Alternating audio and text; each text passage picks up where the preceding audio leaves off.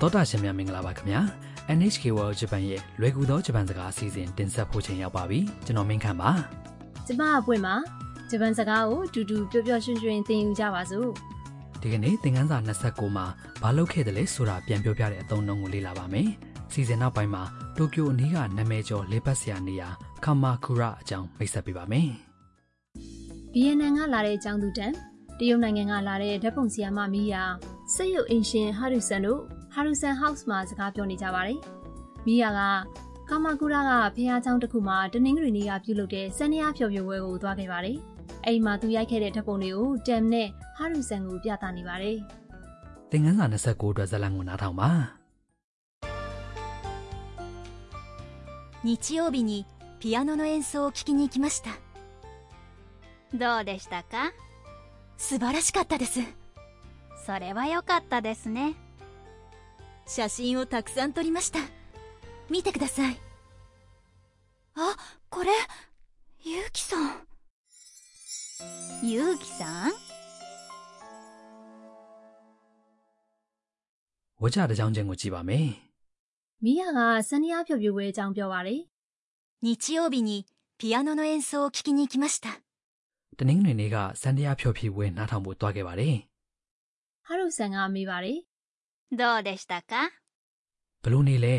။မီးရကပြန်ဖြေပါတယ် 素晴らしかったです အရန်ကောင်းပါတယ် ။ဟာရုဆန်ကပြောလိုက်ပါတယ် それは良かったですね အဲ့ဒါဆိုဟန်ကြတာပေါ့ ။မီးရကသူရိုက်လာတဲ့စန္ဒယာပညာရှင်ရဲ့ဓာတ်ပုံတွေကိုပြပါတယ် 写真をたくさん撮りました ဓာတ်ပုံတွေအများကြီးရိုက်ခဲ့ပါတယ် 見てください ကြည့်ပါအောင် ။ဓာတ်ပုံတွေကိုကြည့်ပြီးတမ်ကအံ့ဩသွားပါတယ် あこれゆうきさん ဟေးဒါယူကီဆန် ။ဟာရုဆန်ရဲ့အာယုန်ခံကရိယာကတမ်ရဲ့စိတ်လှုပ်ရှားတဲ့အတန်ကိုထောက်လန်းသိရှိလိုက်ပြီးပါးပေါ်ကမီးလေးလင်းလာပါတယ် ゆうきさん ယူကီဆန်လား ။အော်ဓာတ်ပုံတွေကစန္ဒယာပညာရှင်ကတမ်ဂျပန်မှာတိတ်တွေ့ကျင်နေတဲ့ယူကီပေါ့နော် ဟုတ်ပါတယ်အခုတော့ကန်ချမာကသူတို့နှစ်ယောက်ကိုပြန်ဆုံဖို့ဖန်တီးပေးလိုက်ပြီထင်ပါတယ်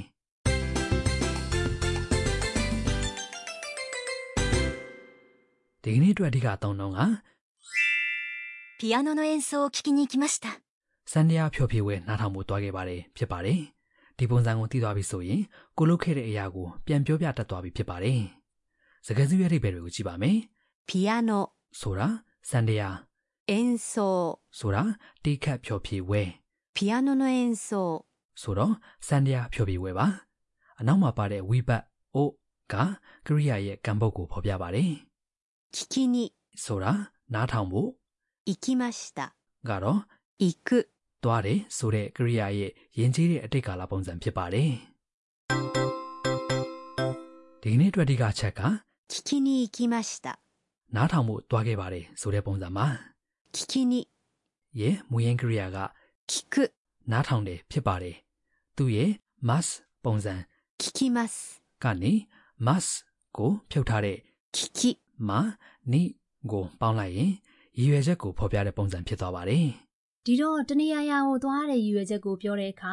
must ပုံစံကရိယာကနေ must ကိုဖြုတ်၊နေကိုပေါင်းရမယ်နော် ။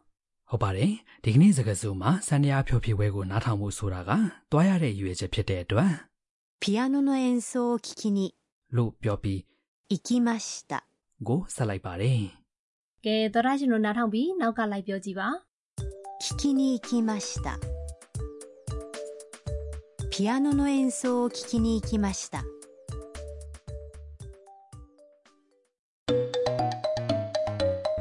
။ကိုတကကိုလုတ်ခဲ့တဲ့အကြောင်းအရာကိုပြောပြနေတဲ့ဥပမာစကားပြောတစ်ခုကိုနားထောင်ကြည့်ပါ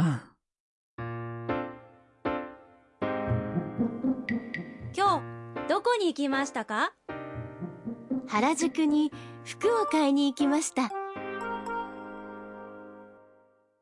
အဓိပ္ပာယ်တွေကိုကြည့်ပါမယ် 今日どこに行きましたか ။ဒီနေ့ဘယ်ကိုသွားခဲ့သလဲ 今日 ။ဆိုတာဒီနေ့ どこ ဆိုတာကသောတာရှင်တို့သိထားတဲ့အတိုင်းဘယ်နေရာလို့အဓိပ္ပာယ်ရတဲ့အမေစကားလုံးပါ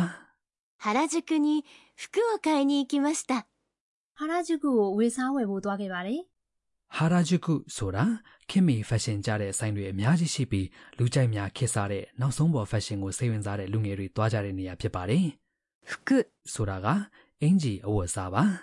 買いに ။ရဲ့မူရင်းကရိယာက 買う ဝဲတယ်ဖြစ်ပါတယ်။သူ့ရဲ့ mass ပုံစံက 買います ပါ။အဲဒီကနေ mass ဖြုတ်ထားတဲ့ 買い မ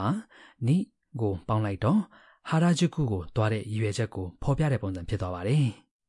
ဒေါက်တာရှင်တို့မိခွန်းနဲ့အဖြေကိုပြန်နှောင်းထောင်ပြီးအဖြေကိုလိုက်ပြောကြည့်ပါ 今日どこに行きましたか原宿に服を買いに行きました原宿に服を買いに行きました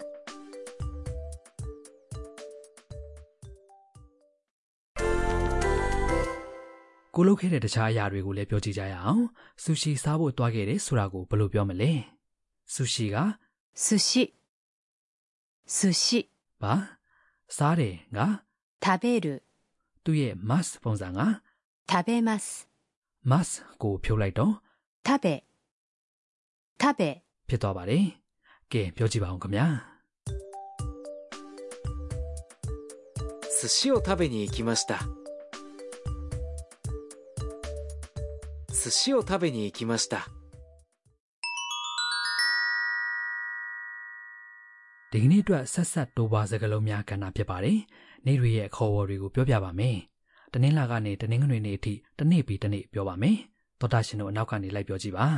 ။ တနင်္လာနေ့ 月曜日 အင်္ဂါနေ့ 火曜日 ဗုဒ္ဓဟူးနေ့ 水曜日 ကြာသပတေးနေ့ 木曜日 တောက်ကြနေ့ 金曜日 စနေနေ့ 土曜日 တနင်္ဂနွေနေ့ 日曜日 ဇတ်လန်ထဲမှာမိယာက 日曜日にピアノの演奏を聴きに行きました လို့ပြောလိုက်တယ်နော်ဘယ်နေ့လို့ပြောလိုက်တာပါလဲနားလည်လိုက်ကြပါသလား တနင်္ဂနွေနေ့ဟုတ်တယ်မလားယင် ဟုတ်ပါတယ်အဲ့ဒီလိုမျိုးနေ့ကိုဖော်ပြခြင်းတဲ့အခါဝိဘတ်နီကိုပေါင်းလိုက်ပြီး 日曜日に လို့ပြောရပါတယ်ဒီကနေ့ရဲ့ဇတ်လန်ကိုနောက်တစ်ချိန်ပြန်နားထောင်ကြအောင် 日曜日にピアノの演奏を聴きに行きましたどうでしたか素晴らしかったです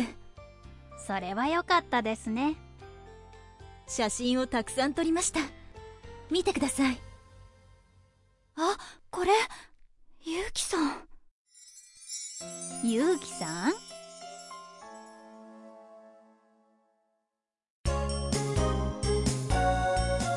ミーヤーのトラベルガイド အခုတခါမိယာရဲ့ခီးသွွားလမ်းညွန်ကဏ္ဍဖြစ်ပါတယ်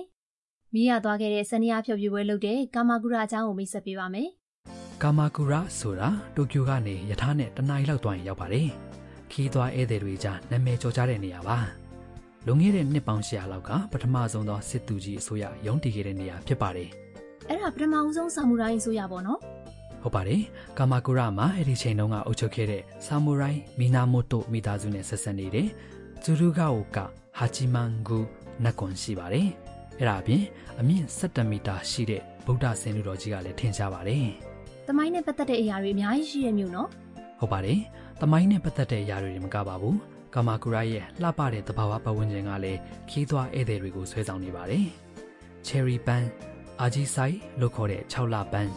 သောင်းရာသီမှာအယောင်ပြောင်းတဲ့သေးရွက်တွေစသဖြင့်ရာသီအလိုက်သဘာဝရှုခင်းအလှတွေကြည့်ရှုခံစားဖို့တောလန်းလျှောက်တာလည်းလုပ်လို့ရပါတယ်။ခစ်ဆန်ဆန်အသွင်အပြင်တဲ့ဆိုင်တွေကော်ဖီဆိုင်တွေလည်းရှိပါတယ်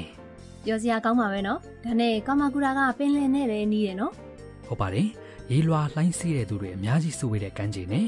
ဥခီယိုရဲ့ပကြီးတွေမှာရေးဆွဲချေမုံရလောက်အောင်လှပတဲ့မြင်ကွင်းနဲ့အင်နိုရှိမာကျွန်းကလည်းထင်ရှားပါတယ်။ ။သောတာရှင်တို့ဒီကနေ့ရဲ့လွယ်ကူသောဂျပန်စကားအစီအစဉ်ကိုနှစ်သက်ကြမယ်ထင်ပါတယ်။ ။ Jam က Yuki နဲ့ပြန်ဆုံနိုင်အောင်မလား။နောက်တစ်ပတ်မှာစောင့်မျှော်နာဆင်ကြပါနော်။